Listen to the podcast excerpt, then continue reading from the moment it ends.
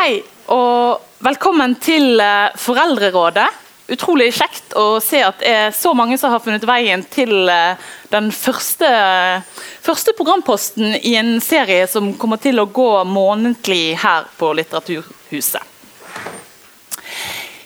Lite er vel like omveltende som det å bli forelder. Fra en dag til en annen er livet slik vi kjente det, totalt transformert. Vi har ansvar for et nytt, lite liv, og dette ansvaret er kontinuerlig til stede.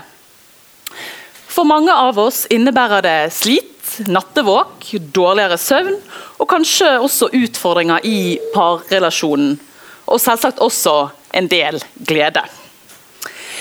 Vi kan lese oss opp på det meste, men likevel opplever de fleste av oss å komme til kort den natten vi står der med et barn som gråter og gråter uten å få sove, eller midt i toåringens femte trassanfall den dagen. Man er sårbar som forelder fordi man så gjerne vil gjøre det beste.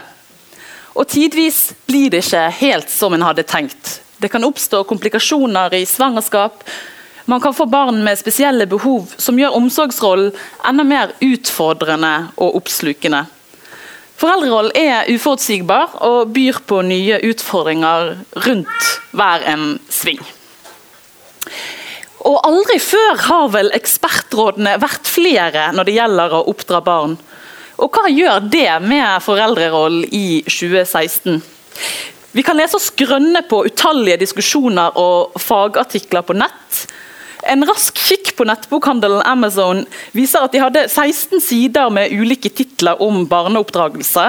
Fra The Danish Way of Parenting, What the Happiest People Know About Raising Capable Confident Kids, til Unconditional Parenting, Moving from Reward and Punishment to Love and Reason osv.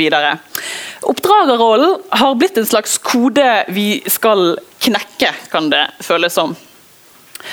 Eh, her i Norge er det jo også interessant å legge merke til en slags motbevegelse med en rekke mammablogger og bokutgivelser som også får fram det mer ærlige og utilslørte beretninger om det å få barn.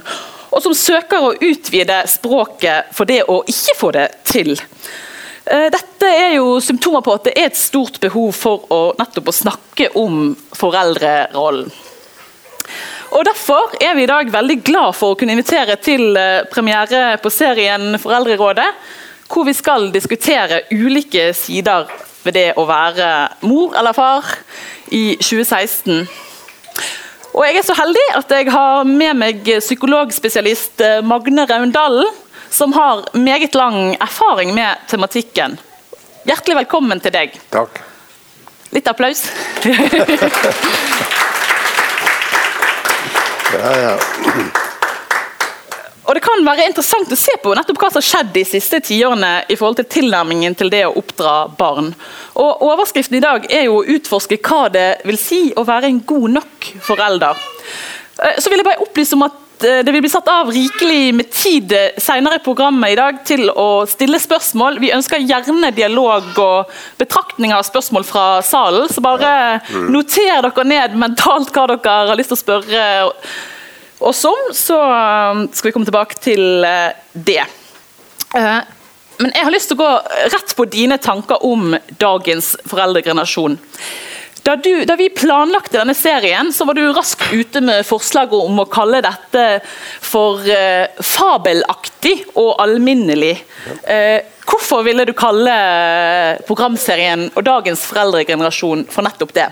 Ja, det henger faktisk da sammen med at eh, jeg gjennom tidene har blitt bedt om å beskrive livet med barn. Ja. Og uh, da har jeg brukt akkurat de uttrykkene, og jeg har ikke endret på dem, for jeg syns de var så dekkende. At det er så alminnelig. Vi, vi vet hvordan det er å leve med barn. Ja. Og det er det alminnelige, og så er det jo også da at jeg er av den oppfatning at det er det alminnelige dagliglivet som er det beste livet. En palestinsk venn av meg sa det var så slitsomt å bo i Norge fordi alle skulle være så lykkelige. Ja. Så eh, det, det alminnelige dagliglivet, og midt oppi det hele så er det fabelaktig. Mm. Det er både alminnelig og fabelaktig. Mm. Ja. Og så sa du noe om at uh, du mener denne foreldregenerasjonen er den beste noensinne. Hvorfor er den i så fall det? Ja, jeg har sagt Jeg vet nøyaktig når det var. Det var på 60-årsdagen til Willy Tore Mørk, det er vel syv år siden nå, professoren i Tromsø, som blir spurt veldig ofte om barn og barneoppdragelse. Da sa jeg at uh, den norske barndommen er friskmeldt. Ja. Vi har den beste foreldregenerasjonen eh, noensinne, og da fikk jeg hele forsiden på Nordlys. Ja, ja. Mm. Og, eh, men jeg hadde jo skrevet om det før også. Det har med, det har med mange ting å gjøre. At vi er jo da så heldige at vi har veldig høyt utdannelsesnivå på foreldregenerasjonen. Det er jo store forskjeller fra, fra tidligere. Og siden jeg da er barnepsykolog og har tilbrakt mye tid på universitetet, så er jeg jo veldig glad i kunnskap og at man søker kunnskap. Vi har en veldig kunnskapssøkende foreldregenerasjon, men det er også noen sånne ytre markører, som eh, f.eks. det at eh, norske foreldre har sluttet å slå barna sine. Ja. Det er 2% og det er de barn som lever under harde vilkår, og som kanskje barnevernet er inne i bildet på flere av, og burde være. Men eh, det store i og det hele, så er det slutt på å slå barn. Det er jo helt fantastisk. Ja. Mm. Mens det i mellomkrigstiden så var det jo den anbefalte barneoppdragelsen. Den som sparte riset sitt, den eh, hatet sin sønn. Ja.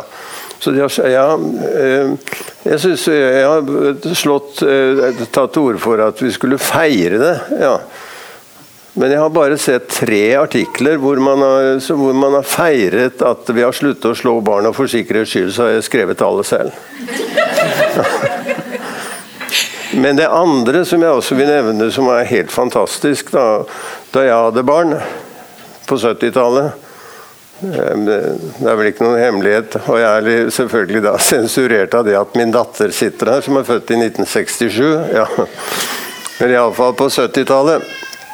Eh, så I 1971 så døde det 101 barn i trafikken i Norge. 101 barn. Det var et blodbad. Og Vi lå i veiene og eh, tegnet hvite kors osv., og, så videre, og foreldrene protesterte. Ja. Det var ingen store endringer. I fjor så døde ett barn i trafikken. Ett for mye.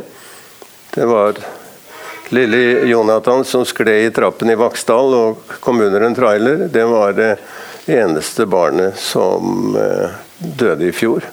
Og det er eh, barnebeskyttelsen og foreldrebeskyttelsen. Og de tre siste årene så har ingen barn dødd i bil. Og det, I 2012 var det første året siden krigen, at, uh, siden krigen at ikke noe barn omkom i en bil. Så det er mange Jeg kunne bare fortsette. Mm. Det er mm. veldig mange eh, tegn på at jeg har rett i at dette er den beste ja. foreldregenerasjonen noensinne. Ja. Men det, da kan du oppleve som et paradoks at man liksom hele tiden i media har disse ekspertrådene og uh, kategoriseringen av ulike foreldre. Da, som vi, vi, nevner i programteksten at det finnes curlingforeldre og tigerforeldre. Og, altså, hvor tror du at eh, behovet oppstår fra? At man liksom hele tiden skal kategorisere foreldrestiler, og selv om ja, og at man liksom føler at man kommer til kort, da, til tross for at du har friskmeldt denne foreldregenerasjonen.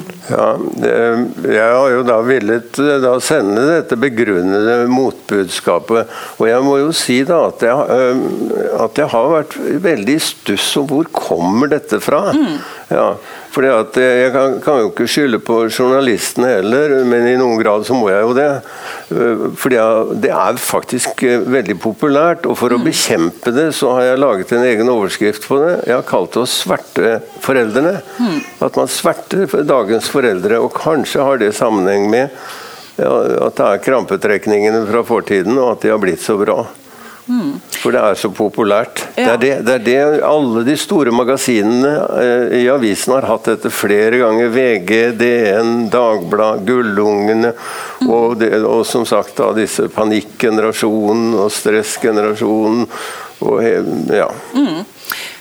Ja altså vi har jo eh langt mer informasjon eh, til, tilgjengelig nå enn før. Både, ja. Det finnes, utgis jo eh, mange mange tusen titler om det å bli eh, forelder, og man kan google seg fram til informasjon på nett i mammagrupper og forskning.no. Så det, det, er klart at det har skjedd veldig mye, mye der.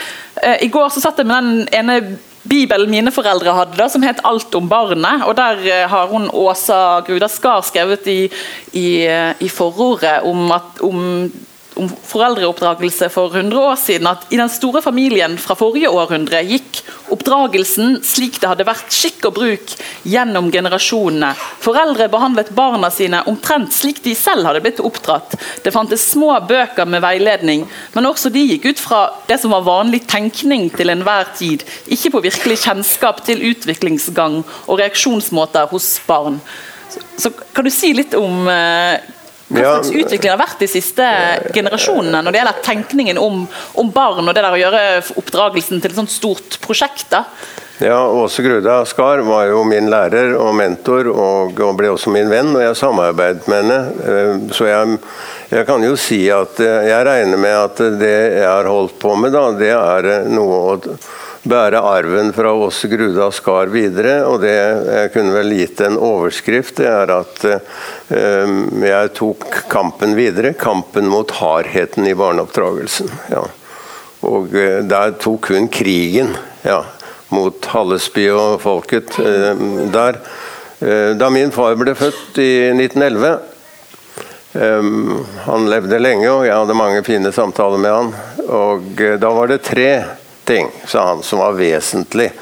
Og som han hadde fra sine foreldre, og som han gikk videre med. Det var tre bunnplanker i den båten som skulle bære de gjennom oppveksten. Og det første, det var arbeidsomhet. Det andre, det var gudsfrykt. Og det var skikkelig gudsfrykt. Man kunne komme til helvete. Og det tredje, det var lydighet. Men han sa det, det var ikke så veldig viktig å være så lydig hvis man var arbeidsom, for da hadde man oppfylt det viktigste. Ja.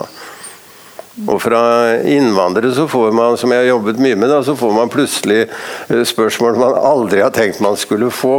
Plutselig var det en fra ja, hvor var det Eritrea som spurte meg hva var det verste din far syntes om deg når du ble voksen. Ja, det må vel at jeg hadde for mye fritid, sa jeg. Ja.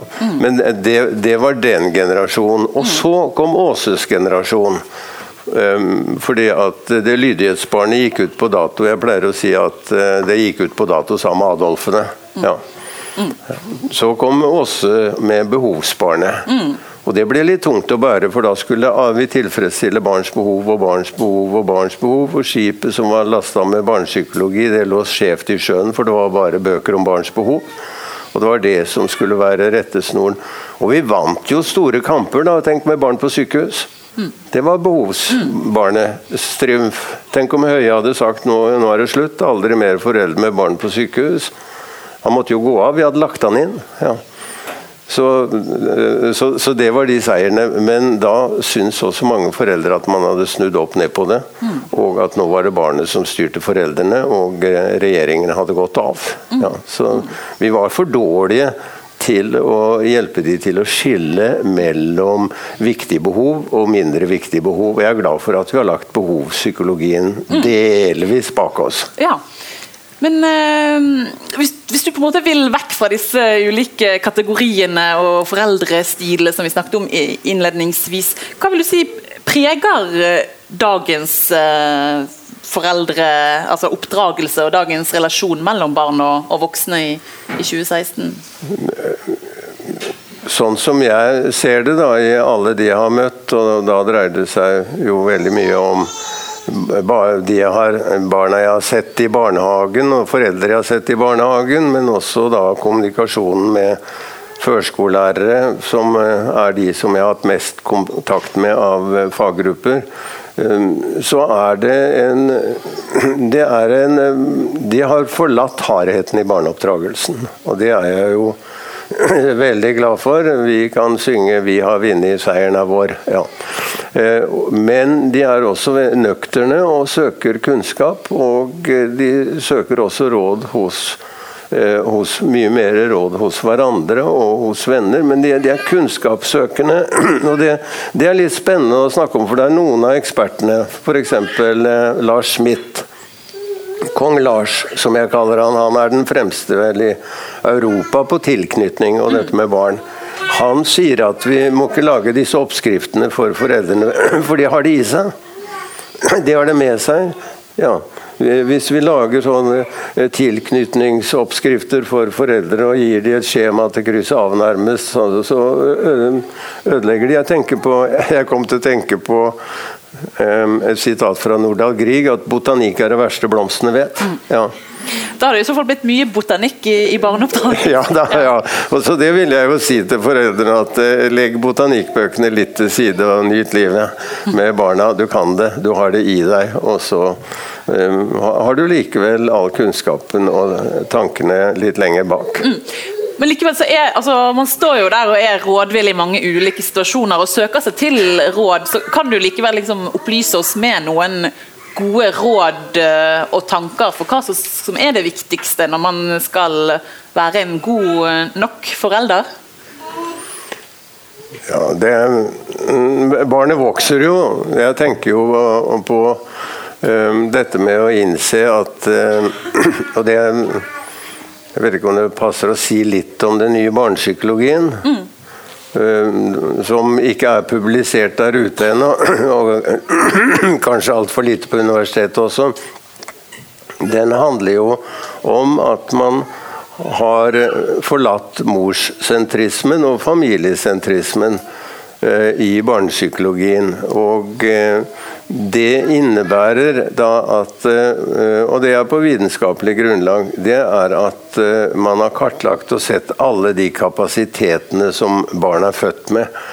Barnet skal egentlig Det er ikke et stort sosialiseringsprosjekt og sosialiseringstenkningen og eh, mors og fars og familietenkningen er ikke, så, er ikke det sentrale. Det er eh, dagliglivet med det store forskerbarnet.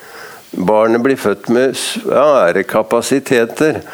Tidligere så sa en av de fremste barnesosiologene Talcott Parson at han kalte babyene som ble født, det kalte han for barbarenes inntogsmarsj. Ja. Det var barbarene, lille Willy, som nå skulle temmes. Ja. Og det stemmer overhodet ikke. De er født mennesker og vil være med mennesker, og er sosiale så å si fra starten av.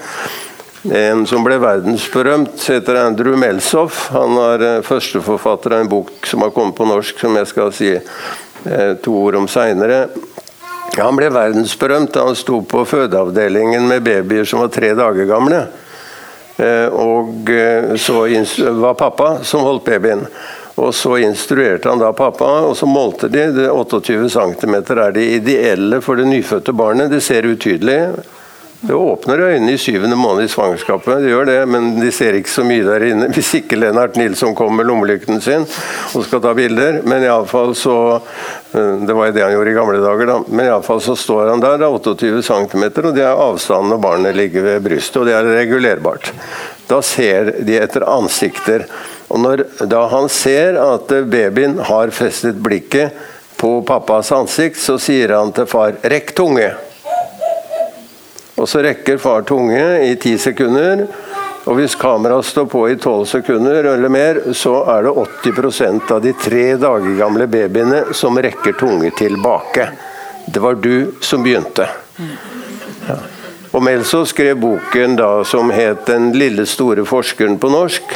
Som jeg faktisk har skrevet forordet til, og den er fortsatt en av de beste bøkene, syns jeg, for å lese for alminnelige folk som meg og dere. Eh, og den heter 'Scientist in, the Crib'. Men dette med den nye barnepsykologien, det multipersonale barnet som har kommet til verden for å være blant folk, det har ikke gjort foreldrene mindre viktige. Mm. Ja, for det er foreldrene som har reddet hele og det det er, derfor jeg sier de er de beste vi har hatt noen gang òg. Tenke seg til den revolusjonen som har skjedd, og det vil vi jo snakke mer om neste gang, mm. eh, i, eh, i livet. Ja. Så er det foreldrene med sine rutiner, sine vaner, den lille tradisjon som, de kaller, som vi kaller det også, som har fått livet til å henge sammen for seg og barna. Ja, hva er det egentlig som skal til for å få trygge barn? Det er tilstedeværelse. Nå, nå skal jeg se på du, du, ga meg det spørsmålet, skal se på huskelisten min. Det er jo selvfølgelig tilstedeværelse, og så er det oppmerksomhet. Det å være oppmerksom på barnet, og eh, det er vel kanskje Jeg, jeg fikk overskriften i 33 aviser i Norge da jeg sa, eh, foreslo en ny sang på mobiltelefon til småbarnsforeldre. Og når eh, telefonen ringte, så skulle de, den, den synge 'Tyven, tyven skal du hete, for du stjal min beste venn'. Ja, for. Så der har vi noe som vi kan eh, diskutere litt i dag, da. Ja. Det er nettet og, og den delen som tar oppmerksomheten. Ja. For barn vil ha oppmerksomhet. Men, eh, men, det er jo eh, De vokser til, og det er jo grenser det er jo, det er jo grenser for det også. Og det er lov å lese avisen før man går til legokassen. Ja. Mm. Ja, altså, I dag snakker vi om at det er liksom tilknytningstanken og omsorgen som er det sentrale i barneoppdragelsen. Ja. Men kan, kan, det gå for langt andre veien? At... Ja, Det er helt sentralt, og det var det andre punktet jeg noterte meg her. Det er, det er ja. sensitiv og trøstende. Være mm. sensitiv og trøstende når barn ikke har det bra. Mm. Det, er, det, har jeg notert som nummer to. Mm. Ja. Og så har jeg sagt forutsigbarhet. Ja. Rimelig forutsigbarhet. Ja i viktige situasjoner. Og så er det jo selvfølgelig ta, dette med å ta barn på alvor etter hvert som de vokser til. Da. Det er jo forskerbarnet. Det er ikke så godt å vite hva de forsker på. Jeg kunne fortelle en liten morsom historie som jeg hørte nylig om en mormor som fulgte, hadde hentet femåringen i barnehagen, og han var helt i hundre fordi at da kom en ny jente i barnehagen, og hun hadde to mammaer. Hun hadde to mammaer. Hun hadde ikke en mamma og pappa som alle de andre, hun hadde to mammaer. Sånn. Og mormor, som også var pedagog og skolesjef, hun øh, visste ikke helt hva hun skulle si, annet enn at ja, det var vel fint. Ja, det var fint. Men, sa han, det er én ting jeg lurer på. Det er én ting jeg lurer på, og mormor strammet seg til. Hun hadde ikke lest lesbiske håndbok for å få barn, så hun var ikke helt sikker på hva hun skulle svare. Det jeg lurer på, det er hvorfor bare den ene hadde briller. Så de er seg selv like. Forskerbarnet vil ha svar på de vesentlige spørsmålene. Mm.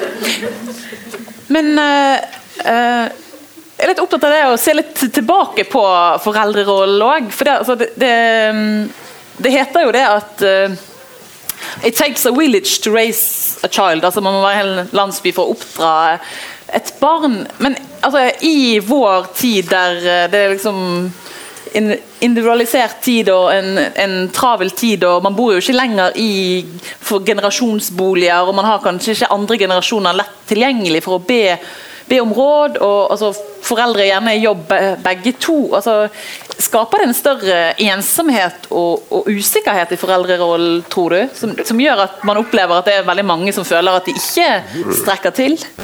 Jeg har jo kalt eh, barnehagen, som vi skal snakke om neste gang, har jeg kalt eh, eh, kronjuvelen i eh, norsk politikk etter krigen. Ja den, uten den, hvis ikke den hadde kommet i denne situasjonen, så hadde vi vært ille ute, etter min oppfatning. Altså, vi, vi har jo en omsorgskjede, og den er nå delt mellom det store flertallet av nasjonsbarn fra ettårsalderen av og ut. over 80 ettåringer, men det kan vi ta mer om neste gang. Mm. Det, det, har jo da eh, gjort denne ensomheten og tosomheten noe mindre. Men så har det også skjedd noe helt fantastisk. Og hvis man hadde trodd Hvis man hadde spurt meg eh, for 30-35 år siden 40 år siden da skrev jeg en um, serie med kronikker i norske aviser som heter 'Farens rolle i barneoppdragelsen'. Det var ikke, vakte ikke noe interesse i det hele tatt i 72. Mm. Ja. Eh, men eh, det er jo eh, fedrenes inntogsmarsj og den nye faren, og det er helt fantastisk som har skjedd på det området. Det, det forandrer også, da utvider jo også nettverket sitt med morsvenninner og med fars venner, og i interessen for barn og livet rundt barn. Mm. Eh, det er mye, noe man kunne ønske seg annerledes, men jeg, stort sett er jeg av den oppfatningen at eh, det beste med de gode gamle dager, det er at de ikke kommer tilbake. Men Hva slags eh, utfordringer ser du for foreldrerollen i, i, dag? da? Altså, du sier at det er den beste noensinne, men jeg vet noe med meg selv at det er veldig masse feil hele tiden. Altså, går det an å si noe om hva vi kan bli bedre på? Altså, ja, midt i dette med ja, Hvis jeg går tilbake til Åse Gruda Skar, som lærte opp meg og Jeg husker også i en av bøkene, forordet til en av bøkene hennes som kom i 1961 så skriver hun allerede da at hun er ikke så redd for å øh, presentere teorier og litt motstridende kunnskap, for det er man så vant til å sortere i, skriver hun i 61. Mm. Og de har jo ikke blitt dårligere nå. så jeg, jeg, tror jo at øh, de klarer å sortere ganske godt i den kunnskapen. Og så søker de også selvfølgelig på nettet, og da kan man jo finne alt. Men eh, det er, som, det er en generasjon som ikke leser for å sluke, men se hva de kan bruke, som Ibsen sa. Jeg tror det var Ibsen, iallfall. Ja. Eh, det er, jo, det er jo mange utfordringer for den generasjonen foreldre nå, og det er jo utfordringer som ikke jeg overskuer helt, og det er jo sosiale medier og grep, det grepet som eh, det kan ha, og den rollen som det skal, kan ha, det, det er eh, Å få det ordentlig på plass og få regler om det, det, det mm. syns jeg er kjempeviktig å ha en diskusjon om. Jeg, jeg, er ikke av dem som frykter alt som er nytt, men jeg tror vi skal frykte det, for da tenker vi oss om, og så får vi kontroll på det. Mm. Ja, hvis vi ikke var bekymret for mobiltelefonen og appene og brettene og, og eh, Facebook og alt sammen, hvis vi ikke var bekymret, så, så kunne det komme og ta oss. Men i og med at det er en bekymret generasjon. Og så tror jeg De foreldrene jeg møter, de er helt klare på at ingen foreldre kan være perfekte. Og at perfekte foreldre det er vel kanskje det verste som fins, for da må de gå etter en bok som det ikke går an å mm. leve etter. Ja. ja. og Det er jo derfor vi har kalt den, denne sesjonen for, for, godt nok. For det er jo òg et begrep fra psykologien at ja. det viktigste er på en måte å være god nok. at Man skal ikke gi for mye omsorg heller, men å finne det balansepunktet som gjør at man er god nok som forelder. Ja. Og Jeg har jo sagt at uh, ja, i dag også at velkommen til en lettere foreldrerolle. Trenger ikke tilfredsstille alle barns behov, men til et større alvor. Og det store alvoret det kommer jo fra den nye hjerneforskningen. da, Om at uh, hjernen er bruksavhengig. Den er use dependent det er erfaringene som bygger hjernen. altså Disse babyene som vi ser her, de har eh, over, ja, over en milliard hjerneceller. Mm. Riktignok skriver Dagbladet at de har en billion, men det er fordi Dagbladet kan ikke engelsk. De, eh, de vet ikke at billion på engelsk er milliard på norsk, så når jeg er skikkelig forbanna på dem, så tenker jeg at de har bare en tusendel av de hjernecellene de tror de har. Ja. Så får vi andre klare oss med 120 milliarder. Og de, bare 15% av de hjernecellene er koblet opp. Mm. Og de blir bygget av erfaringer. There is nothing more biological than experience. Det finnes ikke noe mer biologisk enn erfaringer, for erfaringene bygger hjernebaner og bygger nettverk. Bare tenk på venstre side her med Brokas brain. Der er ordboken. Den er jo tom hos babyene, og så blir den bygget opp. Mm. Og når du spør godt nok, så vil jeg jo si da at det er godt nok Det har med å tenke på hvilke gode erfaringer skal jeg gi barnet mitt. Ja. Ja. Hva, eh, og hvordan skal jeg ta vare på dette hjernebygget? Og det er i det alminnelige og fabelaktige dagliglivet. Det er det som skaper barnet. Og så er det jo selvfølgelig hvilke onde erfaringer må jeg beskytte barnet mitt mot? Og hvordan må jeg ta det på alvor når forferdelige ting hender? Ja, og gjøre noe her og nå, for der har vi også fått noen dramatiske svar på uh, av hva som skjer med en skadet barndom i det lange løp. Ja, mer alvor enn jeg trodde. Mm. Men dette, dette, det vil jeg liksom tenke på, og det er de gode erfaringene som det alminnelige og fabelaktige dagliglivet gir.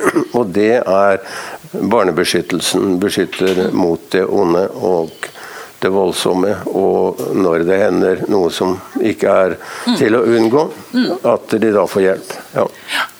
Men, men uh, hvor, mye, hvor, mye, feil kan man gjøre før det går galt? Altså, man opplever jo stadig i ulike situasjoner at man tenker at oi, nå reagerte jeg ikke helt uh, som jeg burde i uh, altså, Det er jo ingen av oss som er perfekte, men hvor, hvor, mye tåler et barn før det tar Ja, jeg pleier å si da at barn, barn tåler uvær.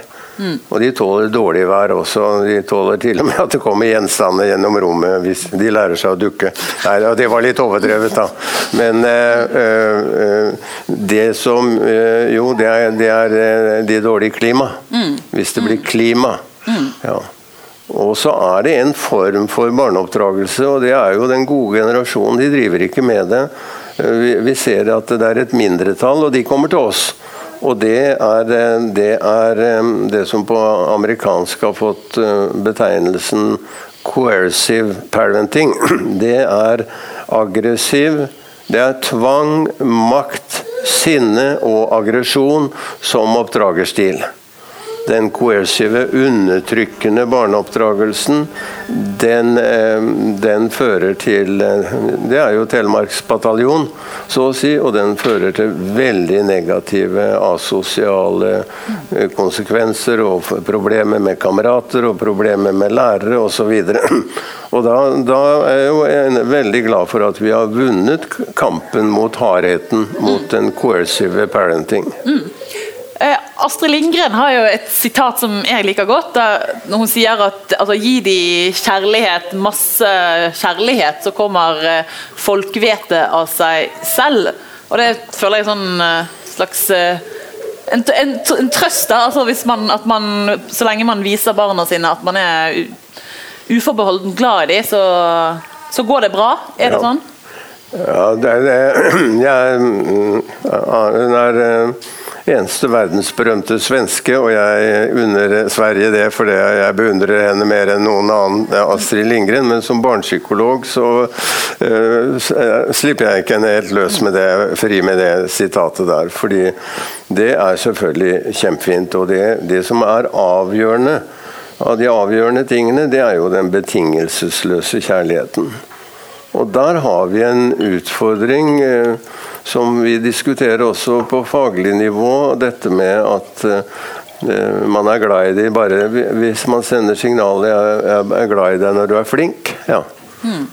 Denne betingelsesløse kjærligheten. Men det betyr jo ikke at vi ikke må rettlede dem, og at vi ikke må gi dem regler og normer, og at vi må gi dem konfrontasjoner når, eh, når, de, når de, trenger det. Ja. Så jeg vil jo si da at eh, den betingelsesløse kjærligheten, som hun sier, der er jeg med henne hele veien. Mm. Og deretter så må vi oppdra dem. Mm. Ja, og noe, Det med grensesetting er jo kanskje noe av det mest utfordrende i eh, en foreldre barn-relasjon, både når barna er to år, og tre år, og fire år, og fem år, og seks år og 12-13 år. Men jeg har lest at du har kalt grensesetting for et litt slaskete begrep. Ja, slaskebegrep, ja. ja. ja. Hvorfor det? Nei, Det var jo morsomt. Jeg skrev nærmest en helside i BT. Og Da jeg kom på flyet eh, om morgenen når den var i BT, så satt Dan Olveus der. Eh, professoren med aggresjonsprofessoren og mobbeeksperten som jeg kjenner godt. da. Mm. Og jeg liker veldig godt å diskutere med han, men da ropte han bak fra flyet og viftet med BT. 'Magne, du kommer til å ødelegge hele Norge', sa Dan Olveus. Jeg glemmer jo aldri. Og hvorpå jeg ropte tilbake at jeg skal, til, jeg skal til Stockholm, og jeg skal ødelegge hele Sverige også. Så jeg, så satte jeg meg ned og diskuterte grensesettingsbegrep med Olveus. Ja. Og det jeg hadde innvending mot det, det var to. Det ene det var at det var eh, feil ordbruk. Og ordene er tross alt forstandens verktøy. Det er ikke grenser som skal styre oss, vi skal styre oss selv. Vi skal ta ansvar for våre handlinger, og vi skal si unnskyld når vi har såret noen. Og vi skal bli indrestyrte. Det er jo målet med barneoppdragelsen, ikke hvor går grensene hennes. Så det er, dårlige Det var derfor jeg kalte det et slaskebegrep, og så var det aggressivt. Ja. Nå skal vi ta krapyle. Og så fant du opp et nytt begrep. Som du... Ja, ja, jeg fant opp et nytt begrep på Barneombudet den gangen. Trond Våge innkalte Willy Tore Mørk og Edvard Befring og eh, hele eh, kanonlaget for å diskutere det nye begrepet, og det skrev de under på at det syntes de var en god eh, versjon av grensesettingbegrepet, for det er jo ikke dumt. Bare, og så var det jo også dette at det var det ledende begrepet når vi diskuterte barneoppdragelse. Heldigvis har det gått ned. Men det nye begrepet jeg laget da, det var konfronterende læring. Noen ganger må vi ta det ubehaget og fortelle det, det ubehagelige fordi vi ikke vil at dette skal gjenta seg. Du spytter ikke noen i ansiktet en gang til. Nei. Da tar man ubehaget. Det er, men det vi, eh, moralske forpliktelsen i det, mm. det er at man må sørge for at en lærer av det. Mm. For hvis barnet blir verre av det, så har de jo ikke lært noe. Da må vi gjøre noe annet. Ja. Og Så viser det seg det at konfronterende læring det virker aller best på de som har et godt forhold til ungene sine. Mm. De som har et dårlig forhold, får mer aggressive unger. Av både grensesetting og konfronterende læring. Dessverre. Men man, hva bør man gjøre da, hvis man føler at man ikke får det til som forelder? Hva kan man gjøre? Ja, en, en av ting som jeg absolutt uh, jeg vil anbefale, det er å kjøpe boken 'De utrolige årene'. Mm. Ja, som handler om eh, Og den er den ja, uansett eh, Og det er det veldig mange som gjør, eh, skaffer seg også, men noen gjør det når de syns det begynner å gå litt på hælene og litt med ryggen mot veggen. Da skaffer de seg De utrolige årene av Webster, av Caroline Webster Stratton. Det er et program som ble implementert i Norge Eh, av Willy Tore Mørk i Tromsø for 15-16 eh, år siden. Og eh, det fins eksperter på de utrolige årene i de fleste fylker. Mm. Og med, med, bedre hjelp til foreldre som strever med veldig temperamentsfulle og vanskelige, det de vi kaller vanskelige barn. Mm. Ja. Det er en av de tingene man kan gjøre. Og så er det jo også for litt større barn, så er det jo da um, dette Patterson-opplegget Eh, eh, hva heter det? Parent Management Training, PMTO. Parent Management Training Oregon. Ja, Det er foreldremestringsprogrammet. Det er spesialister som er utdannet i det.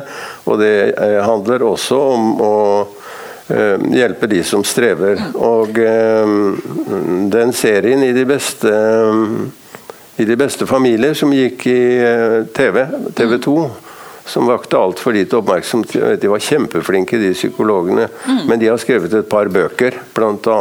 Eh, 'Barneoppdragelse som virker'. Ja. Og nå kommer jeg på at Du også hadde jo ditt eget eh, TV-program på 70-tallet ja, ja, ja. med Mattis og med, var ikke det også med Åsa Grudaskar? Men hva, hva, Det er jo en generasjon siden. For, er det noen som har forandret seg på den tiden, eller strever vi med de samme tingene alltid? Nei, det er mye har, for, mye har, forandret seg fordi, tror jeg, da. Mm. Fordi at det er så mye man klarer selv, og så man vet hva man skal gjøre. Mm. Man føler seg både trygg på kunnskapen og tryggere i, i foreldrerollen. Og så har også barnehagen kommet for de aller fleste.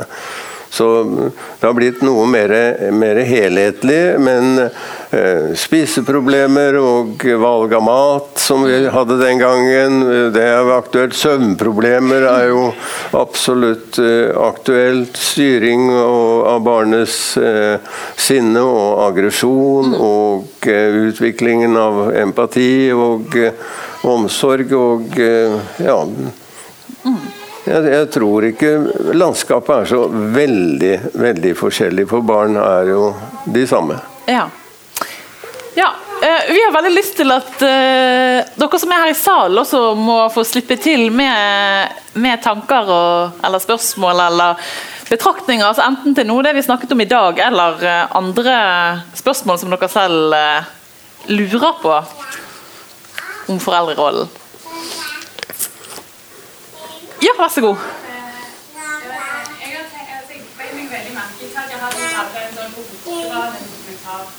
Eh, på NRK, eller hun var reiste til Frankrike og Nederland forskjellig, eh, og snakket med foreldre om oppdragelse. En av de tingene som jeg syntes var veldig overraskende, var snakket om arbeidsomhet.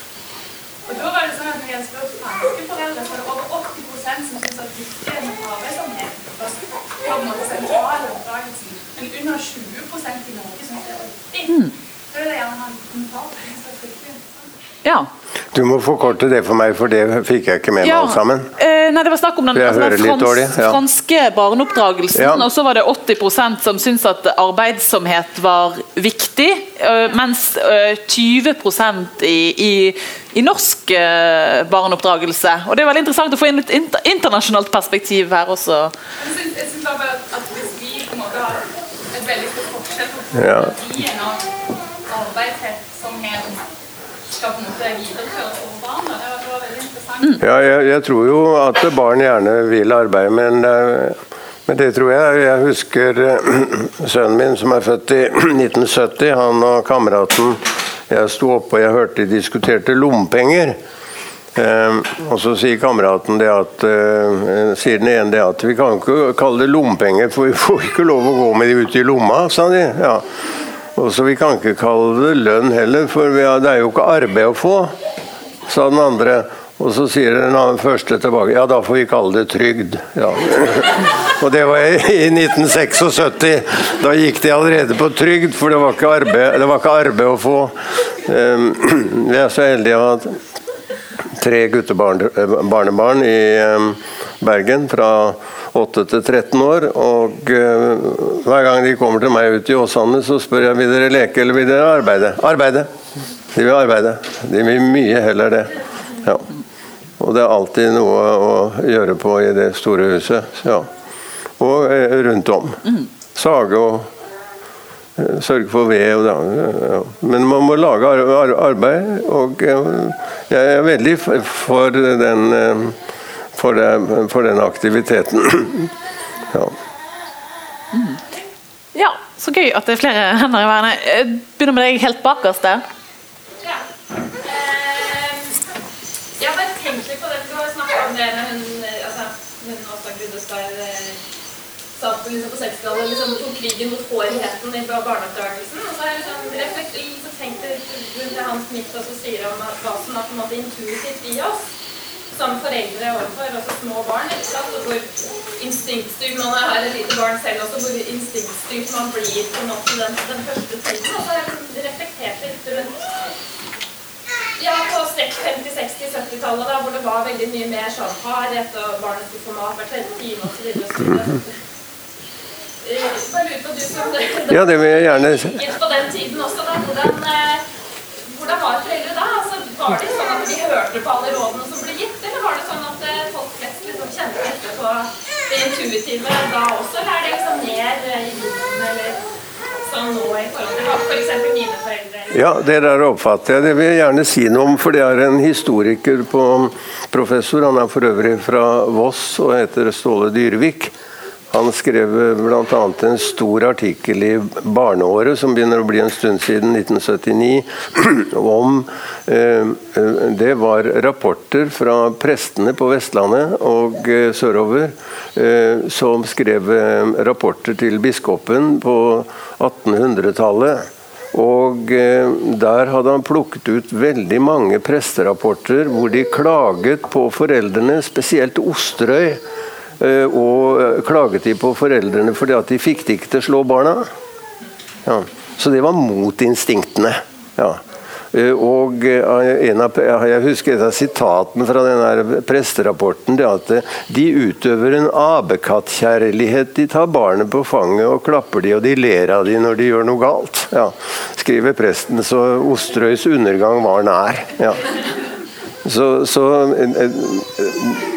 det var ikke eh, på instinktene. Det er jo også en sosialpsykologisk historie fra Grønland, hvor en misjonær eh, banket ungene sine så veldig.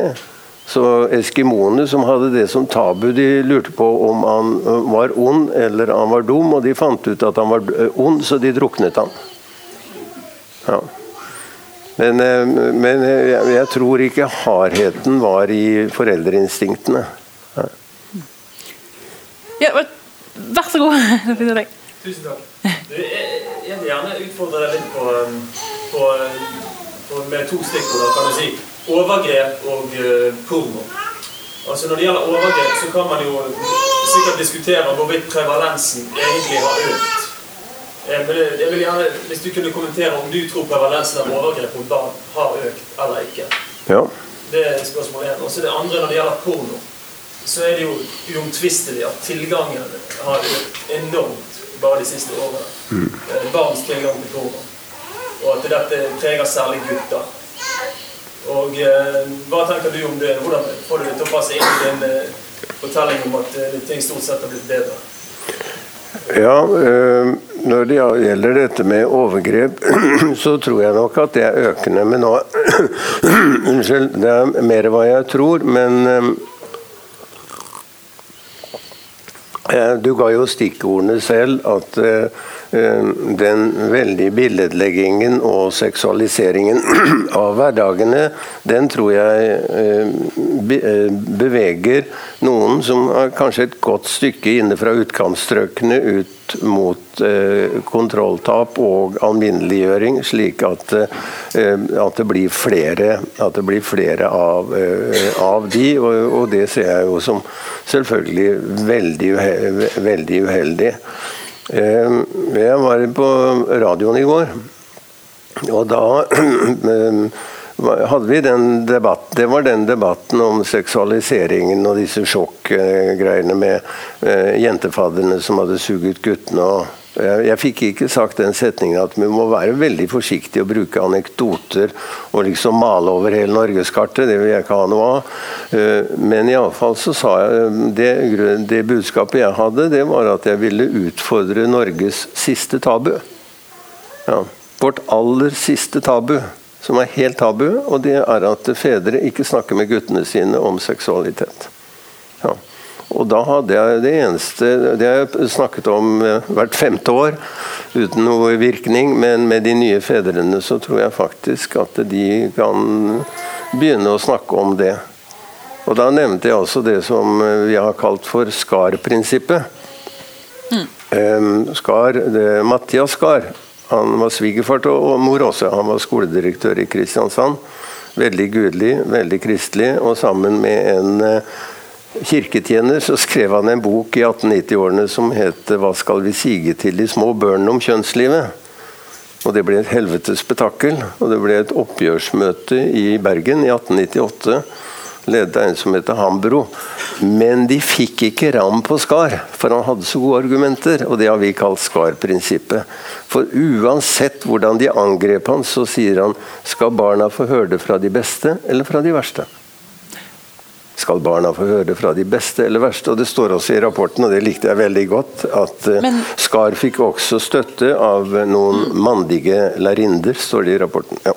Men for, Hva er en god måte å, for fedre å snakke med, med sønner om dette? Ja, Det finnes ikke noe skrevet, det finnes ikke noe veiledning overhodet om hvordan pappaer skal snakke med guttene sine om seksualitet og kjæresteri og uh, et nei er et nei og alle disse tingene. For det, at, det er vårt siste tabu.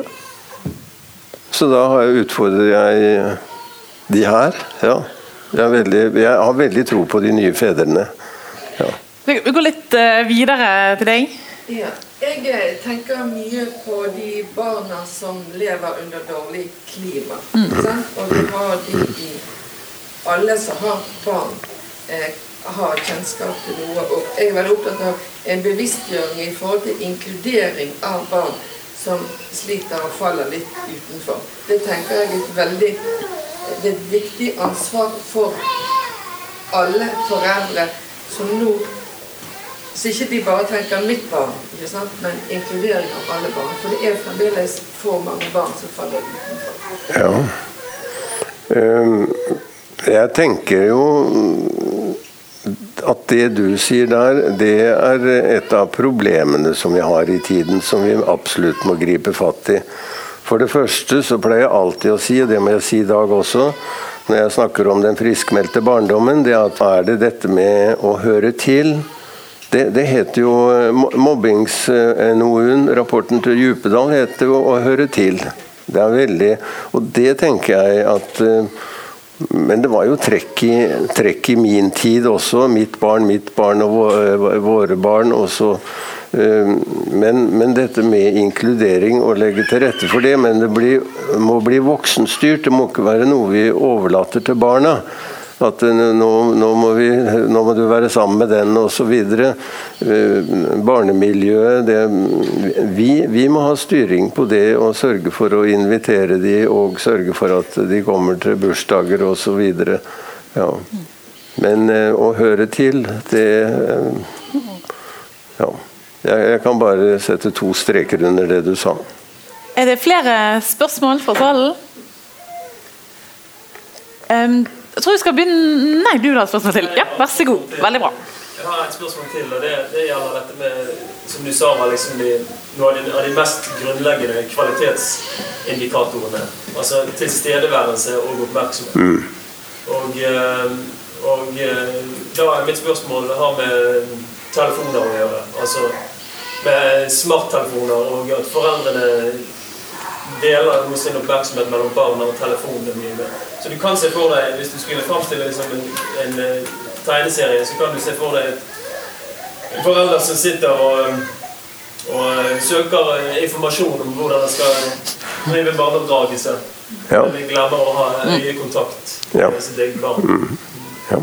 Og ikke minst å ha samtale. Mm. Hva, hva, tenker du om det? Hvordan får du det til å passe inn i det at, at det blir bedre? Nei, altså, Jeg sa også i starten at eh, jeg kjenner ikke til noen systematiske undersøkelser om eh, Eh, livet der hjemme når det gjelder det. Og det har jo også noe med den innledningen eh, eh, du hadde, Silje.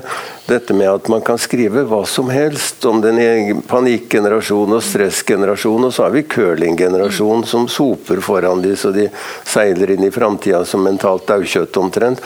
Ja, det, det, det er at vi vet for lite om oppvekst, så derfor så kan man nesten skrive hva som helst.